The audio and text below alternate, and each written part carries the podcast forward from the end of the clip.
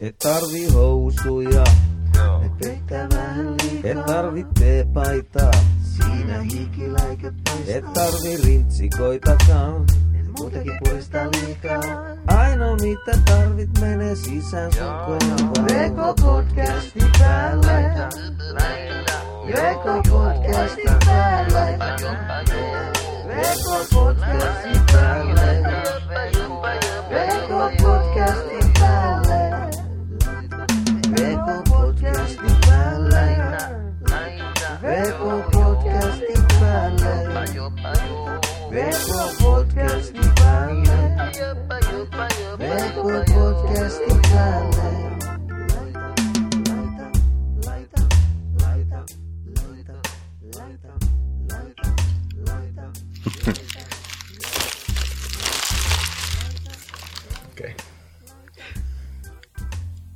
Tervetuloa tänne Villille Korporaation podcastiin, missä tällä kertaa on vähän pienempi raati Täällä on Ville.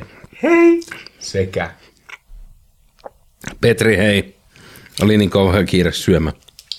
kyllä olemme tänään varustautuneet tällaisilla Lidlin 59 sentin donitseilla. Ja mitäs kahvia meillä on? Meillä on jotain marketin äh, tummuusastelta oleva viisi sekoitettuna juhlahokan tummapaahtoon, joten jotain miksiä.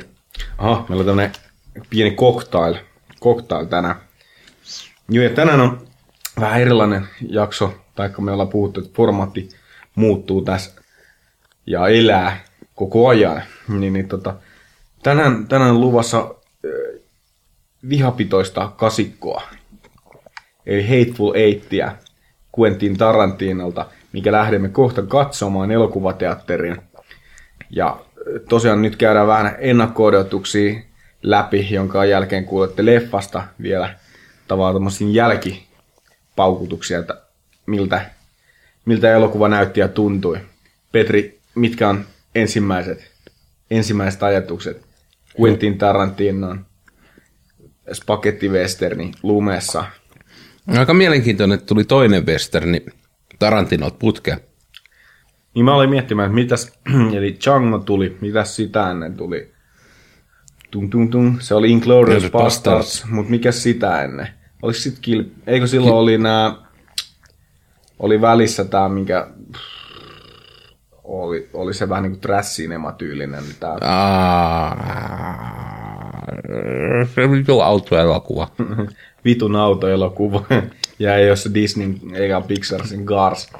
Mutta tosiaan Spaku, Spaku, Western, Western ja ensimmäisen mikä tulee mieleen Spaku Westerni tota, lumessa.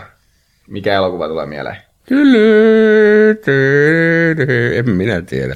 Ai ja mä luulin. E, muistatko se Silencio? Aha, ja kun mä rupesin vaan ihmettelemään tai tahana, mitä tää Donitsin sisällä. Se on tuommoista vaniljakreemiä. Ja mä- Mäkin otan pienen paipin. Nämä on yllättävän hyvin. Donitse, semmonen ihan ostovinkki siellä ihmisille, ketkä, ketkä tota, harkitsee. nyt pausen, kipitätte Lidliin hakemaan näitä, ja sitten syötte sitä, kun kuuntelette tätä loppuun. Mm, voitte samaa mitä me. Mutta tosiaan toi, nyt on se, että eri, eri, no toki tarinakin eri, mutta tekotapa on eri, mitä Djangossa. Et Nyt, nyt tehdään tota isolla kynällä 70 milliselle. Ja milloin sä sanoit, että viimeinen Muistaakseni tämä oli 66. on 70 milliselle? 70 millisellä viimeksi kuvattu elokuva. Okei. Okay. Et sä elokuvan nimen muista. No, jos sä keksit hetken aikaa jotain juteltavaa, niin Ja niin voisi olettaa, vois olettaa, että susta on kyse, niin se, se podcastissa tunnetaan, kun Ville puhuu lyhyesti. Niin. Mm, kyllä. Mutta silloin nyt suutaan tuota muffinsia. Niin. Mutta tosiaan, tämä on jonkun verran tota, aiheuttanut, aiheuttanut sitä Jenkeissä, että muutamat leffaketjut niin on tavallaan kilpailu vähän sillä, että ne on pystynyt näyttämään niin kuin filmiltä 70-millisellä tota, ja tota, se tulee olemaan tänään yksi sellainen katsomuskohta, että tota, miltä näyttää 70 millinen, kun se on Suomessa 2 koona.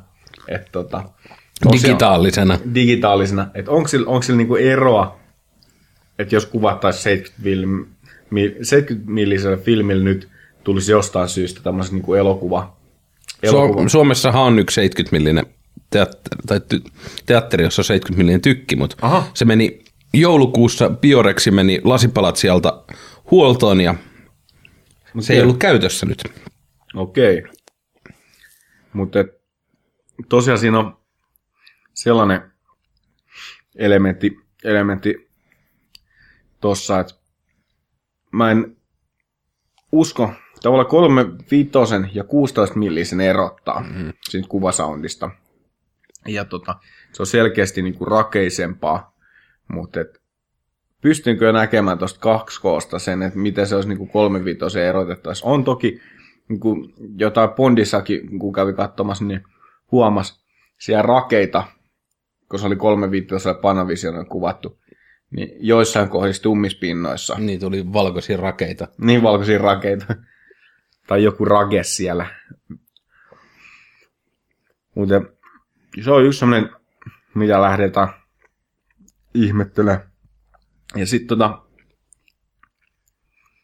nyt on taas, siis mitä niinku haastatteluiden perusteella ja toi, toi traileritten perusteella, niin onko vähän sama asetelma kuin Reservoir Dogsissa?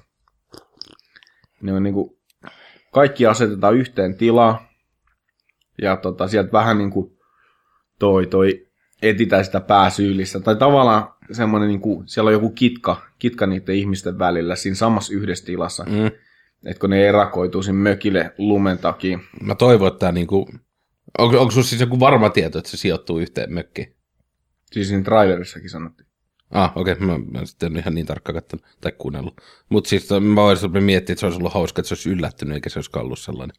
No voi se yllättää, mutta et siis tämmöinen kuva on annettu siitä, että lumimyrsky tulee, niin ne jää yhdelle mökille sinne ja siellä on kaikki vähän niin kuin toisilleen, vähän niin kuin mysteerisiä henkilöitä, vähän niin kuin Reservoir Dogsissa, millä kaikilla oli jotain pientä niin kuin tällaista kärhämää siellä keskenään ja ne kulki niin kuin salanimillä, vaikka siellä osa tuntikin toisella Mr. Pinkki ja Yellowt ja muuta. Niin tuli että tota, saa nähdä, saa nähdä, että onko yhtään korvaleikkauskohtaus tässä tota, elokuvassa. Tai, mutta samoin näyttelijöitä on paljon. Mm. Ja tota, mä aloin miettimään, ketäs kaikki siellä oli. No, Samuel Jacksoni ei ollut, Siis mutta, tota- tota, mutta Michael Madsen. Michael Madsen. Sitten mä aloin miettiä, mikäs tää... Mä oon kauhean huono tuntee elokuva, noita näyttelijöiden nimi, jollei se ole Samuel L. Jackson tai Brad Pitt tai miettiä, Bruce Willis. onko Tim Roth ollut tossa? On. On, Tim On, Roth on. oli, oli ainakin Reservoir Dogsissa. Ja on Hateful Eighties. Uh, Bruce Dern ei ollut. Ei ollut mun mielestä. Tota, mutta tota, saa nähdä, saa nähdä, että asetelmat on vähän samanlaiset ja tosta oli hauska haastattelu, siellä oli Matson just ja pari muut tyyppiä siinä. Rotti oli, mitkä nauro sitä, että Quentin Tarantino elokuvissa, niin, niin meitä on noin 50 tyyppiä, ketkä niin kuin on tässä kerhossa, ketkä saa näytellä siinä. Et ne, ne on aina samat ja ei koskaan vaihdu. Niin, niin tota, roolit vaihtuu, mutta saman näyttelijät. Mutta mielenkiintoista nähdä, nähdä, että tuleeko ihan samanlaisia asetelmia. Ja tota, sitten hauska nähdä, että Changossa, ja olen miettimään, olihan siinäkin tavallaan lainalaisu muihin leffoihin, Mm. mutta et, siinä ei niin paljon semmoista niinku, mä, niinku veikkaan, että tässä on enemmän saatettu Quentin Tarantino-tyylimäiseen tyyliin, niin nyysi spakupesteissä, niinku noista vanhoista, Mhm. mm. semmoisia jotain juttuja. Olisi jännä, että jos siellä on yksi mykkätyyppi, niin sit, tota, mikä on hyvä asemies, niin sit siinä tulee heti silensio. Se voi olla kyllä niinku liian läpinäkyvää, etenkin jos se pääsee ratkaisemaan yhtään mitään. Mutta tota, saiko sä selvitettyä Joo. Sain. tarkkaan, että kuka 66, tai mikä elokuva 66 vuonna on ollut viimeinen 70 millisellä tehty? Sain, ja mä kerron vastaukseen, ää, ää, ää. Fuck, painoin väärä rappi. Se on ollut Kartoum. Koolla. k h Okei, sano mi- Kartoum. mi- mitä. No, niin kuin, tähän tai je- jeitä mun niin kuin. Koska mä olisin, aha, tota mä en tiennytkään, että toi 2001 avaruusseikkailu on 70 millisellä kuvattu. Koska ton Ben Hurrin mä tiedän, tota, että se kuvattiin, se, oliko se jopa ensimmäinen toi Ben Hur, mikä on kuvattu, kuvattu 70 millisellä. Mutta kuinka paljon toi filmin matsku on tullut maksamaan, koska kuitenkin tota, Kodak ja muutkin, niin ne on suht alas viety, paitsi että nyt Kodakilta tulee se 8 millinen kamera, Mikä, Minkä- missä on vielä paljon hyviä kysymyksiä. niin paljon hyviä kysymyksiä, mutta et uusi, uusi tosiaan 8 millinen kamera, mikä toi, toi, ilmeisesti siinä on niinku digitaaliset etsimet, ja täällä tai niinku ruutu, mistä sä pystyt, että se on sillä helpoksi tehty. Mm. Mutta et ne on sen takia käynnistänyt, tai sen takia, vaan sitä varten niin käynnistänyt uudestaan niin, niin filmin tuotannon. Ja tota, saanut pidettyä hengis, hengis tota, filmi, filmitehtaita vielä. Mutta toi on, toi on tota, siitä mä en oo tiedä, että onkohan se kuvattu jollain isommalla framerateilla, ei varmaan. Ei siitä ole kukaan hehkuttanut missään. Ei ainakaan koko elokuva, tietty jotain kohtauksia voi Mm, olla. niin, mutta ei, niinku ei tyyli samalla tavalla kuin joku Ei, ei, tota, Hobbitit, mitkä oli Ei, kuvattu isomman. ei. Mutta jännä tommonen tota, tota, mä en tiedä, no Suomessa sitä tosi harvoin, että muutamia tota, näytöksiä Espossakin on, mikä on 4Kssa, mutta et ei ole semmoista taistelua leffateattereiden välillä noista formaateista, että miten niinku, Mutta entäs niinku formaateista, niin kun me saadaan nyt kuusi minuuttia lyhyempi versio kuin jenkit. ja siinä oli jotain syitä, minkä takia. No siis siellä on niinku tota, tämmönen niinku, tuotu vähän tämmönen vanhan teatterin meininki, että on vähän alkunäytöstä ja väliaikaa ja en tiedä sit mitä se kuusi minuuttia sisältää, että jääkö meiltä nyt jotain hyvin maisemashotteja pois vai? Niin tarkoitatko sä vanhaa elokuvateatterikulttuuria vai kyllä se mä- vielä on niin kuin ihan teatterista toi väliaika? Niin, mutta, Siis mitä, eikö ne ihmiset oikeasti näyttele livessä mm. niinku valkokankan takana? niin se on, häh? Ei vitsi. Mä, Mä luulin, että niinku... Samuel Jacksonin tämän jälkeen. Mm. Mutta siis kuusi minuuttia lyhyempi. Jenkeissä kesto on kolme tuntia kaksi minuuttia. Okei. Okay. Täällä on sitten hiukan alle kolme tuntia tämän, tämän niinku faktan mukaan. Okei, okay, mutta on se silti pitkä epos. On olkoon melkein kolme tuntia. Pitää varautua johonkin sorsaa. Niin, jos Ankka kuuntelet tätä, mm. niin miksi et ollut meidän sorsana? Niin kyllä on taas puhuttu pissat suuhun. Mutta tota... Mitkäs, onko mitään niinku ennakko-odotuksia sun elokuvana? Sanotaan, että mä oon mennyt yhden arvostelun lukemaan. Ja sanotaan, että mä en edes välttämättä halunnut lukea sitä, niin mulla olisi ollut ehkä vielä vähän semmoinen niin kuin, niin kuin oma näkemys tavallaan tästä asiasta sitten. Millaisella arvostelua sä oot kuullut tai nähnyt tai lukenut? No mä luin sellaisen, missä sanottiin, että siinä oli ainakin tunti liikaa matskua Joo. ja alussa ei tapahdu mitään. Joo, mä oon kuullut semmoisen tai tavallaan yleisen linjan siitä, niin kuin spoilaamatta elokuva, että tää tota, jonkun verran, jonkun verran niin kuin on puhuttu sen Quentin Tarantinon laatu olisi niin kuin lähtenyt alaspäin. Mm. Vaikka mun mielestä Django oli kyllä hyvä elokuva. Oli. Mutta tota, okei, okay, Inglourious Bastardkin oli hyvä, mutta sitten sitä ennen ollut se Trash-elokuva, mm. mistä puhuttiin, ne ei ollut niin Mutta sekin, sekin oli samalla tavalla kuin tämä tavalla, että Jenkeissä näytettiin yhtenä elokuvana sen mm. toisen, tota, onko se Grindcore, se Mm, Grindhouse, Grindhouse, joo. Grindhouse, joo. Niin, niin tota, noi, siellähän näytettiin ne kaksi elokuvaa putkea. Niin kyllä. Ja, niin, ja siellä se oli vähän enemmän kanssa tämmöinen niinku tapahtuma tavallaan, kun täällä sitten vaan julkaistiin kahten eri elokuvaa. Mm. Kyllä. Siinä mielessä se oli tota huono veto. Mä en tiedä, oliko se yleisestikin kuin Euroopassa linja. tulee No, varmaankin joo. Mut et, Joku saksalainen kuuntelija suuttuu. Ei, täällä ne näytä. näin, näin! Mutta periaatteessa pääosin, pääosin niin kuin mun odotukset on, odotukset on sanottu, että lähdetään katsoa tätä uutta teknologiaa 2K, tai vanha teknologiaa Okei, se on. Mutta tota, Down conver, äh, konvertoituna nykyteknologia.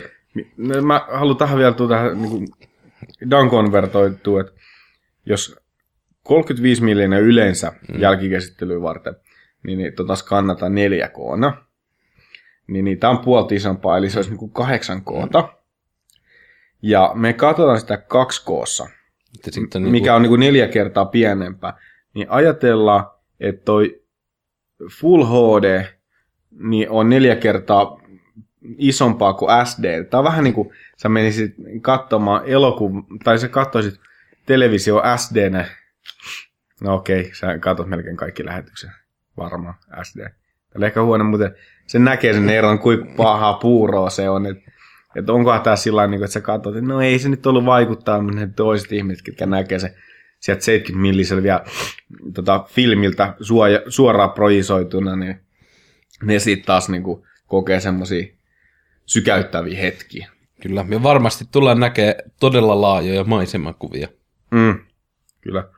Oliko siinä kuvasuhteessa muuten tota, toi jotain, että onko ne kuvannut millään, että, että onko se niinku jotain Jaa. kaksi, kolme viitosta, eli hyvin tää, mitä leffaa käytetään, vai onko lähdetty repimään jopa jo jonnekin ihan huimiin lukuihin.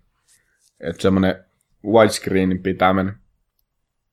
Että Aasiasta menee tosi jees, mutta et niinku, kun ilmät on sellaisia rullaan, niin, Joo, hyvä, että sä tarkistit, että mitä sä... Niin... niin kyllä.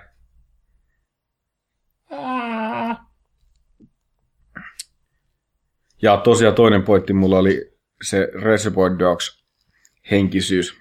Että niitä lähdetään tarkistelemaan. Ja tosiaan toivon, että nyt kun mä en ole semmoisia hypearvosteluja nähnyt missään, että tota, tämä yllättää vielä positiivisesti mut. Ja se onko joskus hypetetä jotain, kuten tota, uh, Fury Roadi, mikä oli loppujen lopuksi niin, niin sen hypetyksen jälkeen pieni pettymys. Siis täytyy sanoa, että mä olen tai niinku, en mä en ole kenenkään muun kuullut sanova siitä tota, yhtään mitään huonoa. Ja sit mä, mä, meidän. niin, niin, mutta siis niinku se, että, että mä en voi jutella tavallaan siitä kenenkään kanssa, mm. koska mä, mun mielipide on aina väärä. niin sen jälkeen sellainen, kaikki, siinä tulee tämä rasistikortti vielä silloin, mm. niin kuin, ai, oot sä rasisti? Oot sä niinku Roadhouse tota, fobia vai mikä, mikä miksi, miksi sä niinku, miksi sä niinku, onks, onks se jotenkin niinku, sano, kutsuuko sä meitä niinku Roadhouse, ei Roadhouse, kun Fury Road, tota, suvakeiksi vai, häh? Niin, niin, tota, Tällä ihan, heti- ihan pikasella tota, googletuksella nyt Mm. mm. saa ampua sit niinku, palautepostissa, jos on, niinku, on Niin. väärin, mutta luultavasti mä sanoisin, että 2,7 mikä vittu se on? Hukkasin just vitu äsken, se oli tuossa mun naama edessä. Tämä on tätä, kun koittaa vasemmat kädet tehdä se samaan aikaan, kun oikea käsi on kiinni jutuissa. Mm, kyllä. Mm, 2,76 suhde yhteen. Anteeksi, toistatko? 2,76 suhde yhteen. Eli on se normaali wideimpaa. Mm. On se aika paljonkin wideimpaa. Vai onko se niinku kuvattu sit sille, että onko, No kyllä se varmaan sitten niinku... että onko se Aika sit silleen, että se on niinku, kun se on niin iso se filmi, niin onko se pitänyt kuvat vaidimpaa ja sitten nouseeko se siitä jotenkin? No ei silloin sitä olisi pitänyt supa niinku reunoit pois, koska toi, että se Niin on kuin- leveys ja korkeus. Niin, koska täällä on just, että tota, Panavision niin 70 millinen niin kuin, ne linssit vissiin, mitä niillä on ollut, on ollut tuommoinen 20. Okei. Okay. Ja se on niinku... Voidaan ajatella, että se on melkein kolme kertaa leveämpi, mitä se on korkeutta. Eli tä, tästäkin tulee semmoinen Wimbledonin matsi, joka joutuu päät kääntelemään. Olisi me ollaan nyt takarivissä saatu. Mä en ole tällä kertaa tehnyt varauksia niin kuin, Heti, heti onnistui vähän korkeammalta kuin kakkosrivistä. niin kuin Forza Awakenin kanssa. Mutta ei mitään, hei, hyvät kuulijat. Me lähdetään katsomaan elokuva, jonka jälkeen otetaan muutamat jälkikommentit.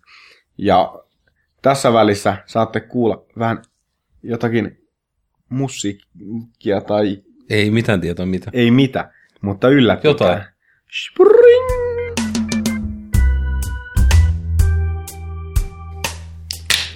Oho, sehän alkoi, eikö aukesi erikoisesti. Tota, minulla oli vähän tutumpi ääni VK-podcasti alulle, vaikka tämä jakson alku ollutkaan. Ja Kyllä, eli tervetuloa takaisin. Kyllä. Me olemme käyneet juuri, tai ei niin juuri, on se tunti. tunti. Ja niin kuin alkupuoliskolla unohtui sanoa, niin tänään tosiaan nauhoituspäivänä on 16. ensimmäistä 2016 ja tosiaan näin kuusi päivää, ei kun kahdeksan päivää myöhemmin kävimme katsomassa elokuvan, mikä oli ensi illassa kahdeksas ensimmäistä No siis kahdeksas ensimmäistä. keskiviikko. Oh jaa, mä luulen, että se on niinku tämän viikon keskiviikkona, eli se on silloin ollut Eikö het, en minä, 12. päivä. en mä muista. No, kuitenkin. Anyhows, me oltiin katsomassa Hateful Ate. Hateful Eight. Eight ja tota, Hateful. nyt, nyt on Tarantino katsottu kahdeksas elokuva. liki kolme tuntinen spektaakkeli. Kyllä. Ja tota, mitkä on niinku ensimmäiset, ensimmäiset ajatukset, mitkä tulee? No valot tuli ennen lopputekstejä päälle elokuvateatterin. Nyt oli niinku todella äh, rimanalitus Finkinolta.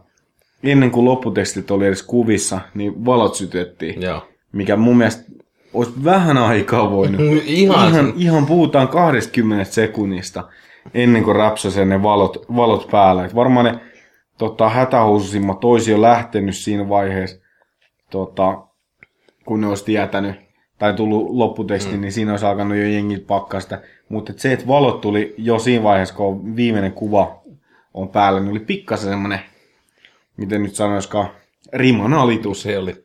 Että tota, siinä mielessä, mielessä kyllä.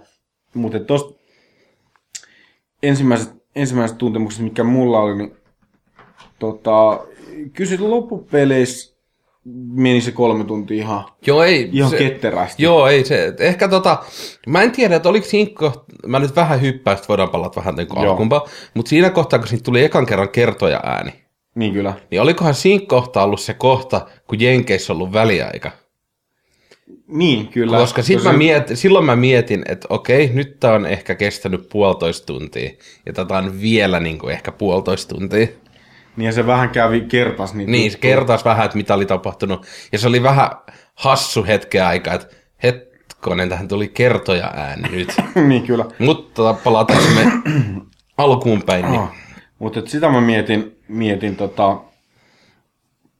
siinä, tota, tai piti sanoa vielä tähän ennen kuin käydään, lähdetään käymään, että jos ei siellä nyt joku on nä- nähnyt tätä elokuvaa Kyllä, vielä, on hyvä huomio. Niin, niin me heitellään nyt aika rankkoja spoilereita tästä Kyllä. elokuvasta, ja tämä on Eli Eli käy- helppo elokuva spoilata. Kyllä. Ja käykää, käykää ensin katsomassa ja kuunnelkaa sen jälkeen, että Tämä loppuosio tästä.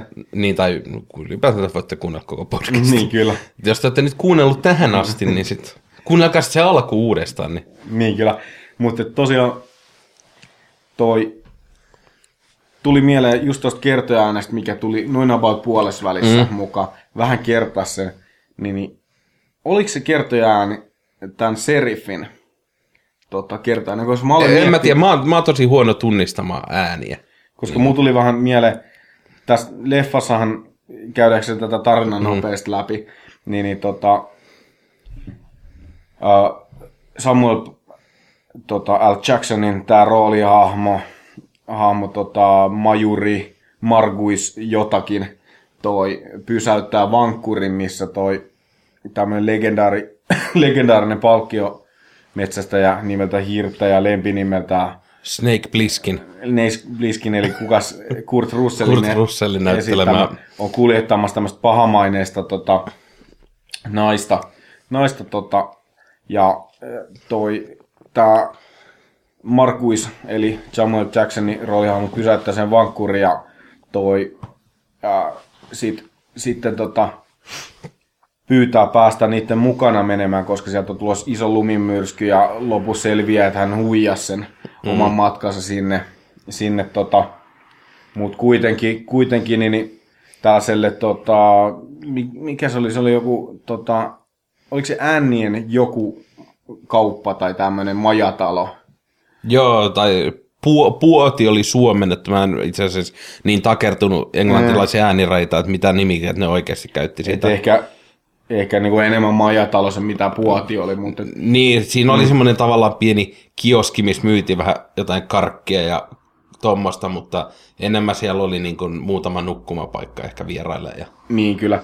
Mutta tosiaan, tosiaan ne menee sinne sitten tota, paikan päälle tämä hirttäjä, palkkiometsästä mm. ja tämä on myös tämä Samuel Jackson on niin kuin ex-majuri, mikä tota, tekee nykyään palkkiometsästä ja hommi. Se, sit vanki, niiden vankkurikuski, ja tota, siellä on valmiiksi jo tota, neljä tyyppiä, a, tota, mitkä esitellään siinä. Siellä on tämmöinen sitten taas hirttäjä, niin kuin ammattihirttäjä, mikä on tämmöinen englantilaistyyppinen. Sitten siellä on tämmöinen cowboy, tota, mikä oli joku Joe Cage Joo. nimeltään, sellainen hyvin keksitty nimi.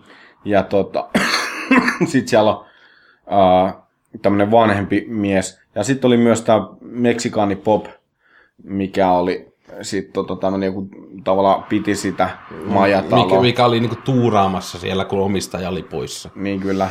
Mutta toi on, tota, tohon sä sanoit, että se Samuel L. Jackson huijasi sen matkan sinne. Mm.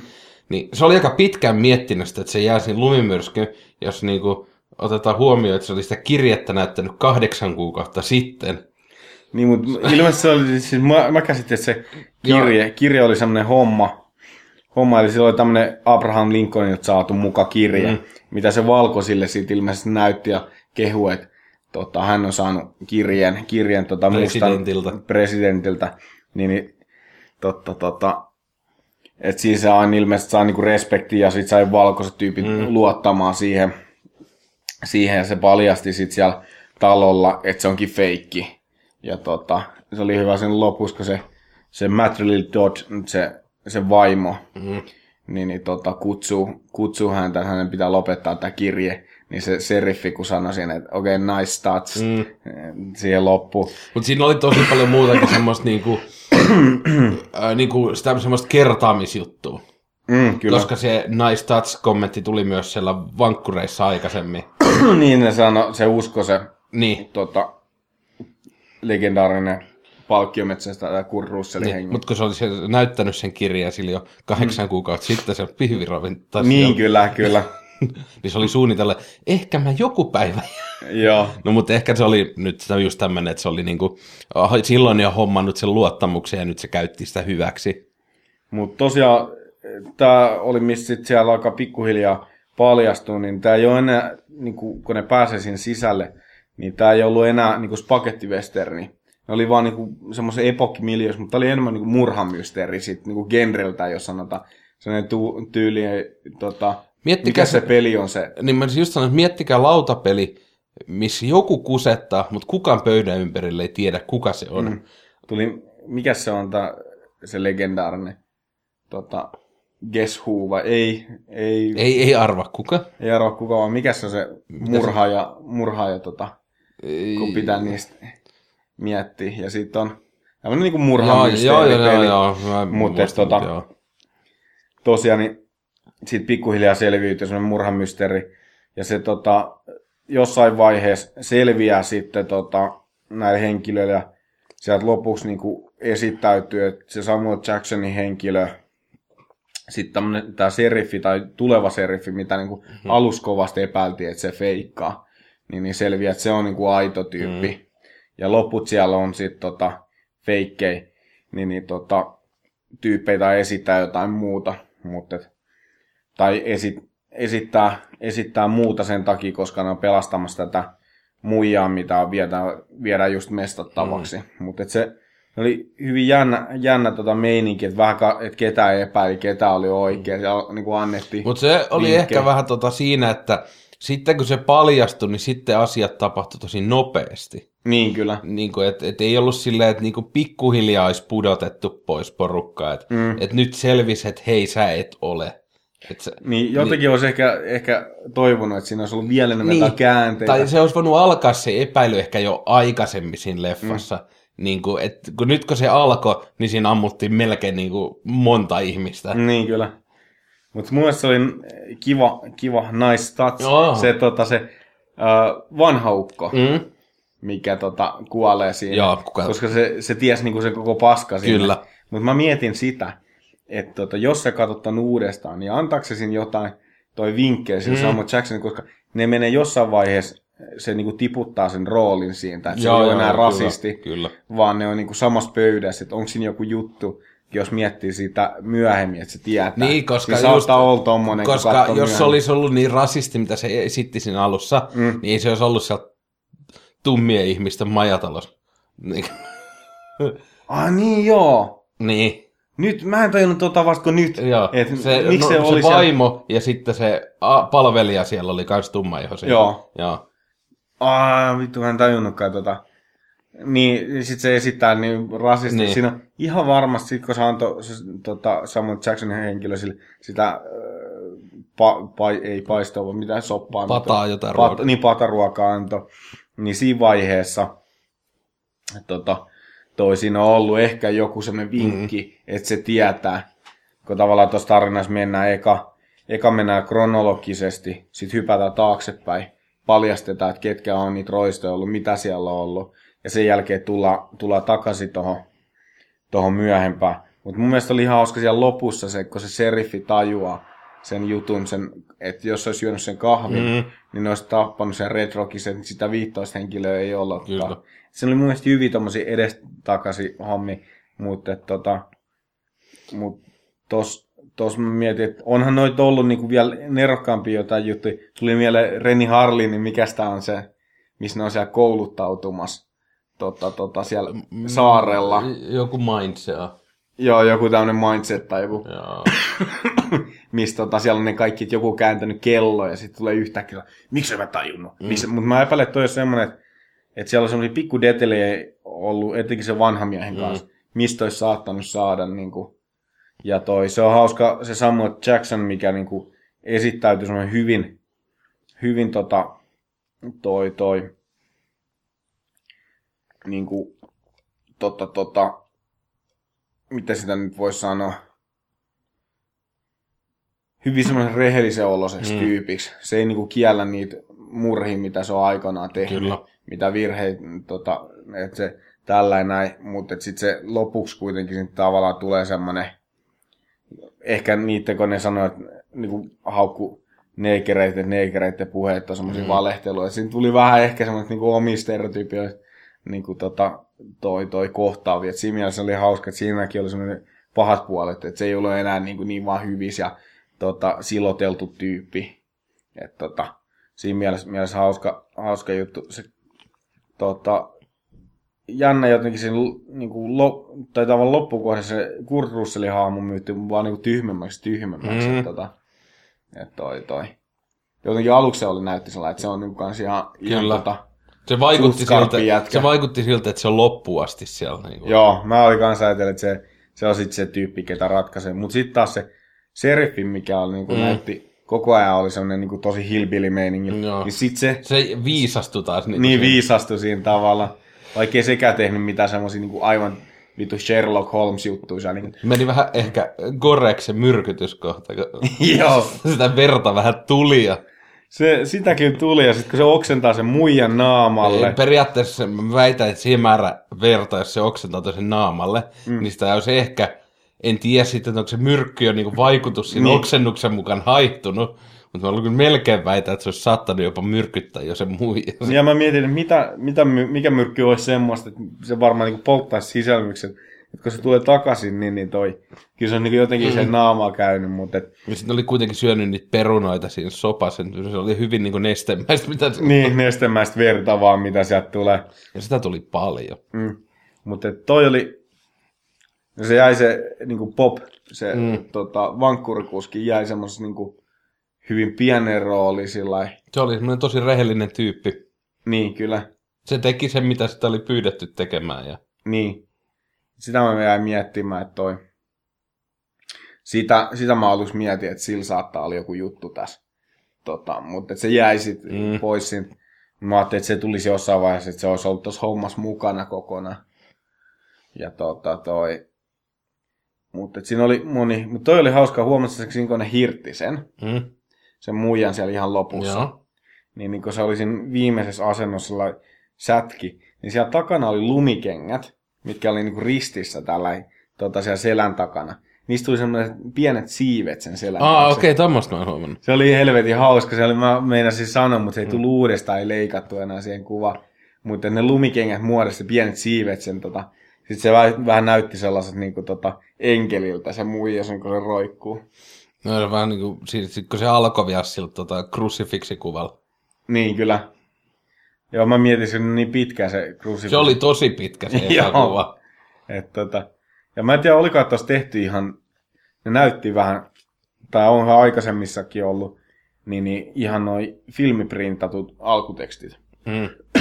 tai niinku animoidut. Et filmi animoidut tota, toi toi noin noi, noi grafiikat, ne näytti just siltä. Et tota, ne vähän jotenkin Mm, särkyi sen reunalta ja tällä, että ne ei ollut digitaalisen näköiset. Mutta Tos- tota, niin, sano. tosta mä olin tulossa vaan siihen niinku se 70 milliä. Okei, mä en, ei mennä ihan vielä, okay. koska tota, öö, Tarantinolla on ollut sellaisia asioita aina, Mm. mitä se on aina tehnyt sen leffoissa. Mm. Nyt jotain oli jätetty pois, ja mun mielestä jotain olisi voinut jättää pois. Mun mielestä Tarantino voisi luopua siitä chapter-jutusta. Joo, joo. Se on ihan vitun typerä tässä kohtaa. Niin kuin joo. Joo, mun, mun mielestä se oli vähän sellainen, tota, että toi, sitä ei tarvittu. Se olisi ollut, se olisi Niin. ollut vielä Se pähempi, on, kun niin, se olisi tai sitten jos ne on, niin sit jotenkin kryptisempi. Vaan nyt siinä oli se yksi chapteri, oli, että sillä naisella on salaisuus. Mm, kyllä. Kun mä olisin vähän pitkittänyt sitä siihen asti, että se niinku olisi, niinku, että se kertoja kertoo sen, että se näki, kuka se oli. Niin, kyllä, kyllä. En mä en ole sitä siinä niinku kertonut, eihän, mä, eihän siinä sitä myrkytystä vielä tiennyt siinä chapterin nimessä, mutta niin. Niin. mä olisin sitä salaisuusasiaa silti vähän pitkittänyt vielä. Ja yksi, mitä sieltä puuttu, oli Mm. hevosvankkurin takakonttikuva. Aha. Se olisi ollut se normi. No se olisi ollut silloin aina Tarantino-elokuvissa sieltä takakontin sisältä kuvattu. Ah, niin, Niin, takakon... mutta nyt, niin, niin, niin, niin, kun ei ole autoja, niin sitten se olisi ollut hevosvankkuri. Mutta oli siinäkin pieni semmoinen... Niin, kuin... Niin, niin, mutta niin nimenomaan se puuttu siitä. Joo, kyllä. Mutta sitten siinä oli, tota, kun se luki ekan kerran sitä Lincolnin kirjettä siellä vaunuissa, Mm. niin siinä oli vähän semmoinen kultainen valo, se, se, oli tosi kirkas. Sitten tuli mieleen se Reservoir Dogsin, tota, kun ne avaa sen salkun. Joo. Ja sitä ei koskaan kerrot siinä elokuvassa, että mitä se salkussa Niin, on. kyllä. Mutta sieltäkin tulee jumalainen valo sieltä. Niin Joo, se oli aika kova se katto. Ikkunasta tuleva valo siihen keskelle. Kyllä. Tota. Joo, se, se oli kyllä jännä, mutta toi, tota, mikä, mikä tuli jännä mieleen noista kuvista, niin, niin mä oon miettinyt pitkään, tai en pitkään, mm. mutta tota, nähnyt aina välillä noissa anamorfisissa, kun siinäkin oli se lopussa kuva, missä seriffi on nojautuneena jotain niin tuommoista puuparrua vasten. Joo. Ja siellä takana on se tota, Samuel Jackson skarppina. Joo. Niin, niin tota, mä en tiedä millä jutulla ne tekee sen, mutta niitä on niinku vanhoissa elokuvissa just tota, ollut aikoinaan tommosia, että niinku läpiskarppi, mutta sit siellä on niinku osa on epäskarppi. Se mä en tiedä, onko se joku niinku tiltsi Mm. juttu, millä ne tekee Niin sen. toi vähän sama on, tota, tossa oli, itse asiassa tossa elokuvassa, mm. oli hyvin mystinen skarppi, oli tota, lähikuva sit, kun se sulki sen pienon sen näppäinluukun, Mm. niin ne pienon näppäimet oli blurrit, mutta se luukun yläkansi, mikä periaatteessa on yhtä syvällä kuin ne näppäimet, Niin. mutta se on niin kuin kuvassa korkeammalla, Joo, niin se oli skarppi, ja ne näppäimet, mitkä on kuitenkin samalla tasolla, niin kyllä. mutta ne oli niin kuin matalemmalla, niin Oo. ne oli blurrit. Niin se oli myös vähän semmoinen, niin kuin, että nyt täällä olisi joku Einari, kuka olisi tässä kohtaa ja mm. sanoi, no mutta se tehtiin näin. Mutta toi, se on jännä, jännä toi. Mä oon miettinyt aikana, että se on, se on tehty tota, joissain elokuvissa, niitä on niinku ollut aika monissa niin kuin uudemmissakin, missä on noilla anamorfisilla mm. linsseillä kuvattu, niin samanlaisia semmoisia. Mutta tuossa huomasi etenkin, kun se seriffi liikkuu vähän, kun se meni pikkasen semmoisessa tosi kummallisessa skarppialueella mm. pois, niin sillä meni niin kuin naama jotenkin sellainen ihan vituiksi sieltä reunalta. Mutta se on niinku jännä, kun se ei mennyt tavallaan metri syvyydessä, Niin. vaan se meni niinku jotenkin aivan toisinpäin. Että ne oli saanut siitä osan kuvaa jotenkin. Se mä epäilen, että se on joku sellainen tiltsifti Niin, jotain, niin se, joku, niin. ne muuttaa niinku osan siitä. Koska taas osa siitä oli epäskarppi ja se meni se skarppi tosi jännästi niinku pystysuunnassa. Ja se oli, se, se ei ollut mikään kauhean erikoinen kikka, mutta se oli ihan Mm. siisti tota noin, sieltä, ajo sieltä hevostallelta Joo. siihen ikkunalle, sitten se tuli siihen Michael Madsenin naamaa, ja mm. sen jälkeen se ajoi takas, niin kun se ajoi kauas, sitten se ajoi lähemmäs siihen niin kuin takaspäin, ja sitten se kääntyi vielä 90 astetta niin kuin melkein siihen Michael Madsenin sivuprofiiliin. Aa. Et siinä oli semmoinen niin kuin ihan vitun kaukaa oleva skarpivaihto, sitten Niin. ajoi taaksepäin, sitten ajettiinkin takaisin eteenpäin ja käännettiin 90 astetta. Okei. Okay. Se oli hauskan näköinen. Se oli, siinä oli siinä ikkunassa oli vähän pinkkiä väriä, niin, kuin, Joo. niin se oli ihan mielenkiintoinen operointi. Joo, se, se oli, mutta se oli ihan hyvän näköinen se oli mun mielestä kokonaisuudessa. Mm. Tosi se niin kuin, tavallaan se studio niin kuin, näkyi mm. siinä lavasteissa, että toi. Ja kyllä mä luulen, että tota, tai siis mä ainakin luulen, että siellä yhdessä kohtaa oli aika paha klaffi niistä, tota, kun ne naulasi sitä ovea kiinni. Okei. Okay. Niin tota, musta tuntuu, että ne lankkujen määrät vähän vaihteli ja sit silleen, mulla oli yksi, mä oon melko varma, että siinä yhdessä kohtaa siinä ei ollut sitä lankkua, se hakkas sillä vasaralla, sitten vaihdettiin kuvakulma, niin siinä oli ilmeisesti semmoinen vitun pitkä lankku siinä. Ah, okei. Okay. Joo, ja sitten ne oli hyvin tarkkaan siinä, tota, kun ne hakkas. Niin yksi lankku jäi sillä, kun ne hakkas sitä kiinni, mm. niin se toisesta päästä vaan flapatti, bla, bla, bla, bla, bla. ihan helvetin tyhjän, että se laittoi niin toiseen reunaan sen naulan, että siitä ei ollut niin vittuakaan mm. hyötyä. Että... Joo, se, Mutta mä luulen, että jos tämä ovijuttu rupesi katsoa, niin sieltä löytyisi varmaan ihan vitus niitä Niin, kyllä. Kyllä, sitä, kun se niin monta kertaa siinä naulataan, ne on Ah, kuvattu niin. varmaan kaikki niin kuin ihan, ihan solmus, niin, niin tota. Mutta toi on varmaan tota, ollut, ollut sillä mä en tiedä kuinka pitkään ne on kuvannut sitä, mutta, et, En tiedä. mutta et, kuitenkin niin kuin yksi paikka ja se on aika pieni loppupeleissä. Mm. Mutta tavallaan tässä oli semmoista samanlaista juttua kuin Reservoir. Niin, niin että siellä on niin kuin, et, hyvin samanlaista meininkiä. Se oli niin kuin, tosi pitkä, se, tai siinä oli tavallaan niin kuin, siinä mielessä niin kuin kaksi paikkaa niin kuin katsojalle kaksi mm. paikkaa. Että siellä vankkureissa oltiin ensin ihan tosi pitkään. Joo. Ja sitten oltiin siellä majatalossa. Mm. Ainut, mikä oli vähän niin kuin, jollei nyt oteta niitä ulkoratsastuskuvia, Joo. oli se suihiottokohtaus. Niin kyllä. Niin se oli, mutta sekin oli siellä lumipaikassa, mutta se oli mm. maisemaltaan vähän erilainen, että siellä ei satanut sitä lunta ja Mm, kyllä. siellä oli taivas, oli vähän semmoinen niin kuin, että siinä ei ollut mitään puita tai mitään niin paljon. Sitä mä jäin miettimään sitä suihinottokohtausta, että se alus tuntui vähän irrona, Mm. irtonaiselta. Ja Samuel Jackson oli koko ajan housut jalassa. Mm, kyllä. Joo, mä ottanut sepaluksesta sen No, pitkän kyllä mustan mä- parrun, mitä Se ei kyllä näyttänyt, se näytti edelleen, että sillä on koko ajan vaan ne housut kiinni. Niin, mutta et se, se että tota, Se valkoinen näyttelijä tulee koko ajan se kylmäs pippe paljon. Ja... mm, mä, mä olin sitä, kun sä sanoit, että tosi kylmä talvi. Mm. Silloin kun katsoin sen kuulin, ei ollut tosi kylmä. Se ei olisi ollut sama. Mieti, kuin iso se olisi ollut, jos siellä olisi ollut lämmin. niin, että joko se on niin ihan saatanan pitkä kulli, tai niin Se siellä ei ei, ollut. ollut kylmä. Se näytti semmoiset suojalumet jo melkein. tota, tässä on semmoinen, tai suomalaisi saatanan kylmä, se on varmaan Jenkeissä, kun tota, tulee lunta, niin oli jo ihan vitun kylmä. On 18 astetta plussaa pakko pistää toppetakki. Niin kyllä. Mutta et, joo, tos ihan hyvin se piti loppua asti. Ainoa mikä jäi, jäi tota, ärsyttämään, ärsyttämään tota, just kun puhuttiin siitä, että se olisi voinut lähteä vähän niin yksitellen ja niitä kaikki olisi voinut epäillä. Mun mielestä olisi voinut vähän vielä salailla mm. enemmän ja sitten ne voisi sanoa jotain, niin kuin, että minkä takia, että ne olisi jokainen perustellut, että mä en, mä en ole murhaa mm. ja mä oon murhan. Tai tällainen, niin kuin, että siis se lähti vähän nopeasti just, että sitä olisi voinut edestakaisin venkoilla enemmän. enemmän, mutta kokonaisuudessaan niin piti aika hyvin. Se alku oli ehkä tota, vähän pitemmän oloinen, Mm. mutta kyllä siinäkin mun mielestä se dialogi piti. Hei, Tarantina, alussa vitun pitkä dialogikohtaus. Mm.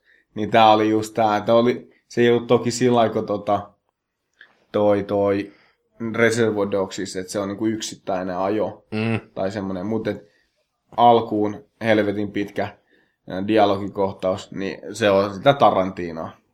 Et tota, tällä, tällä edes ajattele, mutta tarina tuli aika hyvin tuossa nakuteltu. Mhm. Mm-hmm. Mitäs toi, nyt lähdetään siitä, mistä me puhuttiin aluksi, se 70 milli. Mm. Tota, se oli, oli siellä, kun on se 235 suhde yhteen oleva kangas, mm.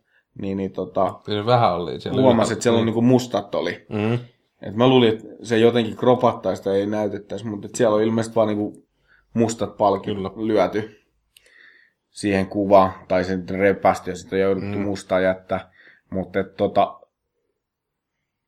en mä sillä lailla niinku, toki mulla ei ollut vertailun, siinä olisi kolme vitosen kuvattu kaksi ole, koossa oleva, mutta en mä nähnyt, että olisi ollut mitään semmoisia niinku, mikä olisi siihen Niin kuin, tuo on nyt ehkä ainut se, että, että nyt ei tarvinnut välttämättä, siis mä, mä jotenkin koen sen niin, että kun sun niin kuin, formaatti on tavallaan niin iso, mm. niin sulla ei tarvi olla niin laaja linssi saadakseen niin laaja kuva. Mm. Niin tiedätkö niin kuin aina, että, että jos sä olisit halunnut niin laajan kuva kolme vitosen, niin sä olisit laittanut laajemman linssi. Et, niin kuin, et, mutta oliko Niin. se kuvan laatu paha sanoa siinä, Ei, mielessä, että niin. sun pitäisi oikeasti sit nähdä se, niin kuin, että miltä se 70-millinen filmi näyttää. Mutta joo, ei se, tässä 2K ei, ei ollut mitenkään sellaista, että olisi pystynyt sanomaan.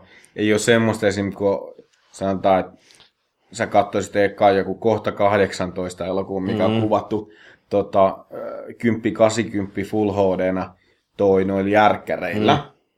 Sitten sä katsot sitä tota, väridynamiikkaa, mikä on hyvin paskaa. Sitten tulisi niinku Arri Aleksal 10-80 Full HDta kuvattu. Niin sillä on niinku, onhan se mm. helvetillinen herra, mutta ei ollut tämmöistäkään mm. mitään. Ja mun mielestä kyllä siellä oli kohinaa jossain, kun niissä on niin, Joo, tota, isoin maisemi, niin kyllä siellä se kohisi, että se ei ollut niinku, en mä tiedä, onko se pakkauksesta, kun mm. se on vedetty pienemmäksi, mutta jotenkin olettaisi, että kun sitä lyödään lyttyä, että se vaan menee niinku tasaiseksi mötöksi sinne. Mutta kyllä sinne kohina näyttää, että onko se sitten vaan, sulla on iso filmi, niin, niin toki, jos sulla on iso filmi, niin onhan siinä voi olla, jos ei mm. tiedä, että se iso on, tai iso kuin toi asa niin. luku, niin siinä filmissä on iso, niin, niin onhan siellä silloin, silloin tota mm. rakeita. Siinä Ja filmin niin sitähän rakeita. ne haluaa, että siellä on. Niin, Niin, koska se on sellainen filmi, niin, niin tota, mutta et, et kyllä niitä rakeita silti oli siellä. Mutta taas se, että sit siinä on vähän se, että, että ne rakeat ehkä pääsisi enemmän oikeuksiin siinä kohtaa, kun se olisi se filmikopio. Näinpä, näinpä. Mutta sitten toi, mä jäin miettimään sitä, kun se oli niin studiossa. Mm. Mm. Toi, mun mielestä on aika kallis vaan sellainen media tota, toi. Mutta oli semmoinen, että oli mahdollista. Niin mahdollista. Mutta et, ei mun mielestä, mun mielestä ne olisi voinut millään vaan ampua se. Et, tota, olihan ohjossa, mun mielestä tuossa uusimmastakin Bondista kuvat, tai sanottu jotain, että se kuvattiin niin ulkokuvat, toi Phantom, tai siis tuolla niin Panavisionilla kolme femmalle ja muut sitten jotkut sisät, niin ne, ne kuvattiin taas digitaalista. Jossain elokuvassa oli tällä, että tota, ulkokuvat kuvattiin tota, Panavisionille ja sitten sisäkuvat kuvattiin niin digitaalisesti. Ja tuohon vissiin nyt tota, toi Guardian of Galaxy 2 kuvataan vissiin kolme vitosella ja Redin sillä uudella 8K tota, sensorilla. Niin kuin samaan aikaan vai? Käsittääkseni. Mikä vitu logiikka siinä? No kyllä on Suomessakin tehty elokuvia, missä osa on kuvattu filmille ja osa digitaalisesti. Niin, mutta siis ne ei niinku samoja ottaa. Ei, vaan- ei, ei, ja mä ajattelin, ei, että, ei, että tässä ei, on joku vitu ei, uusi logiikka. ei, vaan siis niinku se, että niinku, et kun ensi oli otsikko, että Guardian of Galaxy kuvataan Redin uudella 8K. Oo. Niin, mutta sitten kun sitä lukista juttu, niin siellä oli, että kuvataan myös 35 filmillä. Joo, joo. Mä ajattelin, että se on sillä tavalla, että siellä on vierekkäin kaksi Ei, kameraa, se Redi, ja sitten tota, Panavision joku tämän kolme filmiä. Sitten sillä, okei, okay, mä latasin väärin. No onneksi meillä on tää Redi. Ei, mutta just se, että niinku, että se, se oli mun mielestä ensimmäinen, mihin nyt ilmoitettiin noista niinku isoista elokuvista, että niin lähtee, lähtee. lähtee toi Redin 8K. Niin kyllä. En tiedä, tuleeko sekään näkyy yhtään millään tässä. Ei millään. Ei ainakaan Suomessa. Ei. ei, eikä se näkyväsi kuvasi yhtään missään. Missään, että tota, ne on kuitenkin niin isoja resoluutioita. No, on se, on 4K-resoluutio. On se kyllä tarkempaa kuin No. niinku Full HD. Full HD. Full HD. Mutta se, tota, kun sitä katsoo, katsoo ihan niinku tommosesta Full HD-ruudultakin, niin on se sk- skarpimpaa. Ne pienet detskut, mitkä piirtää siellä paremmin, niin mutta tällä Mitäs tota, uskallettaisiko me lähteä pisteyttää jo? Kai, kai me voidaan pisteyttää tätä. Tai otetaan semmoinen nopea kysymys tähän, niin, niin tää oli niinku, niinku alkuteksteissäkin sanonut, että tää on niinku eight film by mm. Quentin Tarantino. Ja tota, nähtiin toi Rehmosen sanomia tuossa mm. matkalla, ja se kysyi, että et niinku, top, meneekö sitä top vitoseen? Niin, niin tota, Quentin Tarantino, mihin, mihin kohtaan about menisi? Niinku, onko sulla mitään semmoista Quentin Tarantino suosikkiä? No siis, mä en on...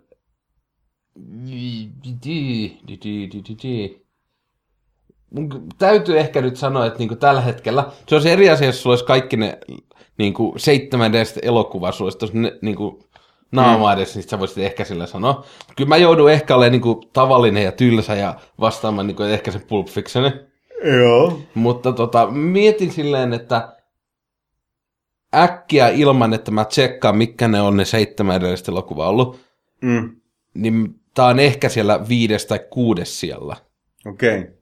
Siellä on kuitenkin niin Pulp Fictioni, Jackie Browni, Reservoir Dogs ja Django Unchained. Joo. Niin sit siinä on ehkä se vitos, kutos ja Tota, kun just jossain artikkelissa oli, niin, että Quentin Tarantin tyyli menee jotenkin alaspäin ja tällainen, mutta mun mielestä tämän mä pystyisin heittämään niin aika korkealle. No, Pulp Fictionilla on tavallaan sellainen oma rooli, mm. että se, se on niin kuin Ja hei, siinä oli Bruce Willis. Niin Bruce Willis, mutta hyvin ajaton kuva. Mä en, mä en oikein tiedä, että os- onko se paras, mutta et niinku Djangosta mä tykkäsin tosi paljon. Mä- Kyllä mä tykkäsin niinku, jotenkin mä tykkäsin Inglourious Bastardsin meiningistä, missä Brad Pitt vetää. Mutta se ei ole noista, se on niinku heikoin noista uusimmista, jos ei ota Grindhousea. Mm. Tota, tavallaan tuohon Mutta laskuihin. kuuluuko, Grindhouse, tai kuuluuko se Grindhouse-elokuva nyt niinku, tohon niinku laskusysteemiin? Mä en usko. Vai onko se vaan niinku, nyt niinku joku epämääräinen? Niin kyllä. Katsotaan se ihan nopsaa, jos sä keksit taas niinku... niin keksii aiheet, mutta et tosiaan, jos mä lähtisin laittamaan, niin kyllä tämä aika ylös menisi. Että se olisi niinku, sanotaan jossain kolmannes ja toi Kilpillä on, Ai totta vittu, siellä on kilpilikki vielä. niin, Kilpil ykkönen on itse semmoinen, jotenkin tykkäsin, että se on niin paljon eri tyylejä, niin paljon koko ajan niinku tavallaan semmoinen, oliko Kilpillä yksi vai, Kaksi. eikö siis yksi vai kolme, niin kaksi niitä on. Kaksi ja nyt on puhuttu, että kolmas. Okei. Okay. Mutta tota, se menisi, menisi siinä niinku top kolmoseen. Mm. Tää. Se olisi kuitenkin tosi hyvä meininki tässä kokonaan. Ja tota, Django menisi siihen jokin neljänteen. Sitten siellä tappele Kilpil ykkönen olisi varmaan mun kakkonen. ja tota, Pulp Fiction. Se, okei, okay. Pulp Fiction, Kilpil ykkönen. Uh, Hateful Eight. Cha- okei. Okay. Sitten tulisi kyllä tota toi, mikä tämä Fox oli? Siis Jackie Brown. Jackie Brown, niin. Tota, Jackie Brown, Django. Mulla on viisi elokuvaa tässä. Sitten Inglorious, eikö, mikä siinä oli jotain välissä? No joo, sitten Kill Bill 2, Inglorious Bastard ja loput, niin ne taistelee siellä keskenään. Itse Okei, Dead- Reservoir Dogs unohtui niin, ihan itse tosi. asiassa se on Dead Proof se. Niin se Dead Proof on se Grindhouse-elokuva. Joo. Mutta Mutta ja tota mä en tiedä, että onks, lasketaanko niinku kilpillit niinku yhdeksi elokuvaksi? En mä tiedä. En mäkään, tää on tosi hämärä, koska siis kun sä koetat hakea jotain niin Tarantino kahdeksan elokuvan, niin siellä on kuitenkin joku, on, joku on ollut pakko vittu kusipä ja kirjoittaa mm. sen, no mutta kyllä se ohjasi yhden kohdattauksen Sin City-elokuvan. No niin, Mm. no, mutta vittu se ei ole kuullut siihen niin kuin sen numeraalisen. Onhan se kuvannut yhden episodi Four Rooms-elokuvaankin. Niin, ja on se ohjannut tota, Joku miljoona muut ja niin, sarjoja CS. CS siis se yksi jakso ja Niin ne, oliko se kaksi, koska se oli niinku kaksosainen jaettu. jakso. on, Niin. että tällä, et, et, et onhan, onhan siellä niinku takalöyty, mutta niitä ei voi niinku laskea noihin elokuviin. Mutta tosiaan, kyllä se on se. Eikö mä pistän, mä sanoin näin, että ykkönen oli Pulp Fiction, kakkonen Kill Bill, ykkönen. Sitten jaetu siellä, koska tää on niin samanlainen, Reservoir Dogs ja Hateful Eight, ne menee niinku kahdestaan siihen. Ehkä Hateful Eight voittaa Reservoir Dogsin. Joku voi olla toista mieltä tosta, mutta et, tota, Tämäkin on semmoinen lista, että tämä varmaan tulee niinku ensi viikolla, kun kysyisi, niin se on saattanut muuttua. niin vielä muuttuu, mutta, mutta et, semmoinen, että kyllä mä niinku ränkkäin sitä aika korkealla niinku, noissa Quentinin, Quentinin leffoissa, että tota, et si, siinä mielessä, saiko sä En arvot, mä jos sä et mitään tiukkaa faktaa? Eikö tää on niin vitu epäselvästi kaikki ihmiset kirjoittanut tämän kaikki? Niin, kyllä. Mutta tota, jos mä lähden, mikä meillä oli arvoaste, kun se Meillä on miinus yhdessä seitsemän ollut. Niitä on meidän hyvin selkeä. Hy- hyvin mä, spesifinen. mä lähtisin heittämään täällä niin korkeata kuin...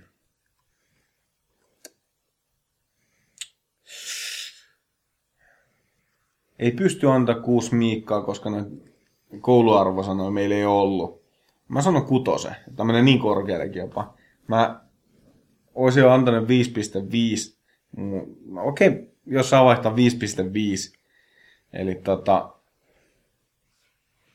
tosiaan tämä niinku kärkiasteikolle, että jos se olisi mennyt, tämä ei ole niinku Quentinin paras, ja sitten tämä ei ole niinku semmoinen, jos seiska menee, niin sitten on niinku ultimate favor. Mm-hmm. Et tota, sen takia 5.5. Minulla on aivan sama lukema. Koska mä mietin, jos sä sanoit ensin, että kuusi, niin mä mietin sitä kutosta ja mä olin, että se on ehkä aika kuitenkin kova. Mm. Vaikka ei niin missään tapauksessa tämä ei ole huono elokuva. Joo. Mutta niinku just toi 5.5 on ehkä semmoinen niinku oikeasti semmoinen realistinen. diplomaattinen Diplomaattinen ja realistinen. Kyllä, kyllä.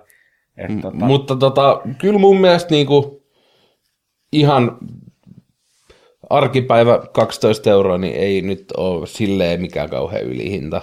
Vaikka mm. leffa, leffat on vähän niinku, niinku siinä mielessä teatterissa on, että jos se olisi joku kymppi, koska leffa on vähän hassu, että niiden niinku hinnat tippuu niinku DVD- ja Blu-ray-myynnissä silleen niinku, Mä en tiedä, mm. onko niissä oikeasti siinä julkaisupäivän hirveä niinku ostopiikki. en tiedä. Koska en niiden tiedä. hinnat tippuu oikeasti niin kuin melkein viikoissa. Joo, siis ei tarvi olla kuin kuukauden vanha DVD, niin se on jo puolet siitä. Niin, niin se, että onko siellä oikeasti se, niin kuin, että kun se julkaistaan niin kuin se DVD tai Blu-ray, mm. niin onkohan siellä oikeasti siinä julkaisupäivän, niin sen mä niin kuin jotenkin hahmotan, että peleissä on niin kuin julkaisupäivässä on myyntipiikki. Joo. Mutta onko leffoissa oikeasti sama? Kai niin se on joku hyvin pieni sellainen, niin että jos on tosi digannut, niin Mm. sä hankit sen, mutta et ei, en mä näkisi, että samanlaista kuin mm. niin peleissä, mm. että se on niin kuin ihan hullu silloin. Että silloin menee kaikki kopiot Kyllä. pois niin kuin suosituspelistä. Tai ei tarvitse niin kuin niinkään suosittu, mm. mutta tota, Hyvin markkinoitu. että tällä. Mutta sitten toikin jotenkin niin näkisi, että sä oot se DVD, fyysistä mediaa, siihen niin vaan nähty vaivaa, mutta silti sä niin kuin, saat se puoleihin, tai saa niin kuin, a, halvemmalla, mitä se leffalippu. Mm. Ja se on tosi jännä, että okei. Ja kun nyt kaikki ihmiset rupeaa olemaan isoja telkkareita ja mm. rupeaa olemaan äänentoistoja tosi monella kotona, Mm. niin sit sä saat siihen kuuteen 8 euroa sen Blu-rayn sen elokuvan. Niin, kyllä. Niin onko se nyt oikeasti niinku sen 2 ja sen Full HD välissä joku se 80 pikseliä? Niin, jotain, jotain niin todella vähän. Ja tota, mä mietin, mietin tota, tota että onko, sit, onko se, ne markkinat vaan niin pienet, että ne on pakko tulla mm. heti vastaan. Mutta tosta, tosta tota, mitä ollaan jo ennenkin puhuttu, mm. niin se on niin, niin sääli, että niissä ää, Blu-rayissa, niin, niin ei siellä ole muut kuin se elokuvainen. Et tota, mä oon silloin tällöin, tota, tuo tulee jostain CD-onilta tai jostain semmoinen, että nyt suomalaiset elokuvat halvassa. Mm. Okei, okay, kaksi Blu-ray, kaksi euroa, neljä euroa kipale. Se tulee joku semmoinen 20 tilaus tehty. Tulee niin näitä mm. suomalaisia mä en ole nähnyt. Sitten mä laitan ne. Ne tulee himaan, niin sinä alla katsomaan sai. Sisältä äh, tekstityksen ruotsiksi mm. ja extra on traileri. Oho, oho, katos vaan. Sitten seuraava lätty. Extra on, katos, tekstitetty kuulo, kuulo tota vammaisilta. Hy, hyvä tekstra. Tai, tai sitten joku valokuvakalleria. Joo. Mitä vittua, ne ihan suttuu se valokuvakalleri. Niin, enkä mä halua katsoa mun TV-ruudulta jonkun ottamia valokuvia. Kyllä se, miksei niinku, esimerkiksi niinku, sen, jos sillä niinku, leffalla olisi tehty nettisivut, mm, voisiko kyllä. ne valokuvat olla siellä? Niin näinpä. Ja tota, Nyt, nyt kun kaikilla on ne kamerakännykät niin kyllä. ja pienet GoProt ja Joo. helikopterit ja auton takakontis, Mm. niin oisko se paha sitä making offia vähän sit kuvasta, jos se rapsuttaa? Niin kyllä, ja sitten kun katsoo, kun seuraa jotain, jotain tota, tommosia tuotantoyhtiöiden noita mm. niin kuin Instagramit tai jotain, niin ne tuottaa sinnekin enemmän niin kuin materiaalia, mitä niin kuin making of. Ei se voi olla niin paha pistää sitä harjoittelijaa lyömään ne putkeen vaan ne materiaalit. Okei, sitten mennään ulos. Mutta se olisi niin kuin, Jonkun täytyy katsoa se. niin kyllä. Se, että siellä ei me- mene ulos sit ihan mitä sattuu. Niin. Mutta se on se vaiva. Ei vittu puolen tunnin making of. Joudunko mä katsoa ja kuuntelemaan, mitä mä oikeasti Niin sanonut. Saatana. Mä oon taas haukkunut päänäyttelijät liian kalliiksi. Niin, niin tota. Ei, mutta toi, tästä, tästä, miksi ei sitä lisämateriaalia? Sen takia ei, ei myy tota noin enää. Vai onko tämä nyt vaan se, että, niinku, että se ei kiinnosta ketään muuta kuin meitä? Mm, se on aina sitä, että ei kukaan muu halua katsoa yhtään mitään sieltä enää. Ja sitten Ne katsoo sen leffan kerran ja pistää sen hyllyyn. Ja Mm, sitten se päätyy sieltä hyllystä pahvilaatikko ja häkkivarasto. Niin ja sitten sama, että minkä vitun takia ne tuotantoyhtiöt, mä haluaisin tietää, että mitä tuommoisessa, no okei, se varmaan jossain sanotaan luokkakokous, mikä oli Suomen katsottu elokuva viime vuonna, niin se on se, se DVD, se oli kyllä aivan, aivan susipaska se elokuva. Niin, niin tota, ollakseen Suomen katsottu. Mm. Mm. Niin, niin, niillä on kuitenkin niinku, tota, tai sitä myydään niinku paljon, mutta et, mä haluaisin tietää, mikä tämmönen, ei nyt keskivertokaan, mutta et, kun tulee paljon tuollaisia elokuvia, mitkä, mitkä sä näet sit loppujen lopuksi, josta ehkä pari traileria saatat nähdä jossain, mutta sitten ne menee niinku suoraan ylelle, ne tulee vuoden päässä, alkaa se tuleekin tää näin. Mutta mitäs, mi, mitäs jos niiden niinku nettioikeuden niinku myytäs, ettei myytäskään DVD. Hmm. Et mä haluaisin tietää, mikä niiden DVD myynti, vaan myytäis suoraan saatana sen TV-oikeuksen niinku Ylelle. Okei, ne saa sitten näyttää sitä. No okei, mä en usko, että kun mä meinasin, tuli siihen, että myytäis niinku nettioikeudet Netflixiin. Mm. Mutta sitten taas, ää, no jos sulla on Yle-kanavana, niin nehän on nykyään netti edellä. Menee, Mhm. ne, ne haluaa tuottaa sitä ja nehän tekee sarjat. Mm. Toi oli se, itse asiassa varmaan puhuttiinkin sen koukussa tota, viime podcastista, jossain podcastissa. Jos Mä oon mainittu. maininnut joskus, niin, niin kun se tuli kokonaan kerralla. Sitten tota, Siskompeti tuli neljäs jaksoa kerralla mentaliteetillä. Ja sitten kokonaan oli se viisi loppu. Niin, niin tota, ne mennyt se, ja kuulu sitä paljon niin kuin sisäpiiristä, että ne vetää sitä netti edellä. Niillä on tämmöinen kampanja. Mm. Mutta just, että jos on joku micro tai jotain kaupallinen kanava, missä ei välttämättä, tai siellä se pyörii joku 30 mm-hmm. päivää, tällainen, miksei niin kuin sen jälkeen niin kuin ihan suoraan saatana Netflixin oikeudet, niin, niin, Siellä, on, siellä on tosi vähän suomalaista sisältöä. niin. tai onko se sitten vain niin kuin ne on sellainen, tota, ne ei kiinnosta. Siellä on se. Kimmo ykköskausi on Netflix. Mä en tiedä miten kukaan se. Se on kuitenkin Ylen sarja. Siinä on niin nettioikeudet, oli Yle Areenassa. Kun mä Yle Areenassa mä katsoin sen niin kuin ykköstuotantoa, mm. silloin kun se tuli. niin. Niin, niin tota, en mä sitä televisiosta kattanut. Mutta miten ne on saanut sen myytyä? Mä luulen, että, ne, mä luulen, että niinku Netflix, et, siis tää on taas tämmöinen niinku spekulaatio, Mm, kyllä. mutta että niinku se vika, jos on Netflixin päässä, että ne varmaan ihan mielellään ottais. Niin. Kuka ei vaan tarjoa. Siellä jossain Suomen päällä joku tyyppi, mikä pyörittää Suomen. Ei, kuka on tarjonnut mitään. Silloin. Äh, kaikki on sellainen, että tota, pitäisikö tätä tarjota Netflixille? Ei, kato, se on saatana iso multi, on multi, Ka- multi tota, Kauhea byrokratia helvetti. Siellä on, siellä on yksi ihminen, kuka odottaa, että joku vaan tarjoaisi jotain. Niin sillä on semmoinen vitullinen salkku rahaa, missä Niin, on sillä niillä on semmoinen niinku, pu, niinku kampanja, että jos joku tuo sarjasi meille, saat 50 000 euroa. Niin, kyllä suoraan vaan pistää. Se, et, tota, Me maksamme sinulle. Sillä vaihdamme mm, tota, kovalevyllisen jaksoja 50 000 euroon. Ei ole vittu väliä oikeastaan. Kun tuot meille sarja. kotimaisen TV-sarjan, poistamme yhden kasarileffan valikoimastamme. Kyllä. Et, tota, yksi mikä voisi olla, niin ne, noista sarjoista, kun siellä on, ja katsonut, että siellä on hyvin paljon tämmöisiä kokkiohjelmia ja tota, varasto. Storage Wars. Ei vaan tuolla niin vittu Netflixissäkin löytyy. Okei. Okay. Sieltä no. niinku joku semmoinen reality, siis se on se paskin osio Netflixissä kuin reality, Okei. Okay. mikä on mun mielestä niinku tosi paskaa katsottavaa, mutta sieltä, niin sinne mahtuisi kaikki saatana jyrkisukulat ja ihan niinku nämä kaikki, kaikki vois heittää sinne niinku suoraan myyntiin vaako. Kyllä niitä ihmiset sit kattois Suomessa, Suomessa niin jotain jyrkisukulaa saatana. Se on semmoinen ke- huutokauppakeisari. niin ja mutsi katto sen, sieltä tuli joulujakso, missä ne meni Espanjaan tota, huutokauppaamaan jotain. Niin, niin tota, siellä Aki kato ihan vitu turistin ensimmäistä kertaa lentokoneessa on ja tällainen. Ja meidän mutsi katsoi sen saatana sama jakso kaksi kertaa, niin kuin, kah, siinä oli kaksi päivää väliin, niin putkeen. Eikä se edes tajunnut, että se katsoi sitä uudestaan. Niin ei mitään. Niin... No meni jo toisen kerran Espanjaan. Kuinka ne siellä Espanjassa nyt käy, kun ne kerran käy? Ja se vieläkin Aki pelkää lentämistä. Ei se tutu lainkaan siihen. Niin just, että tota, tällä, että et, niinku, mikä, mi, kyllä niitä vaan tulisi niinku jengiin katsottua.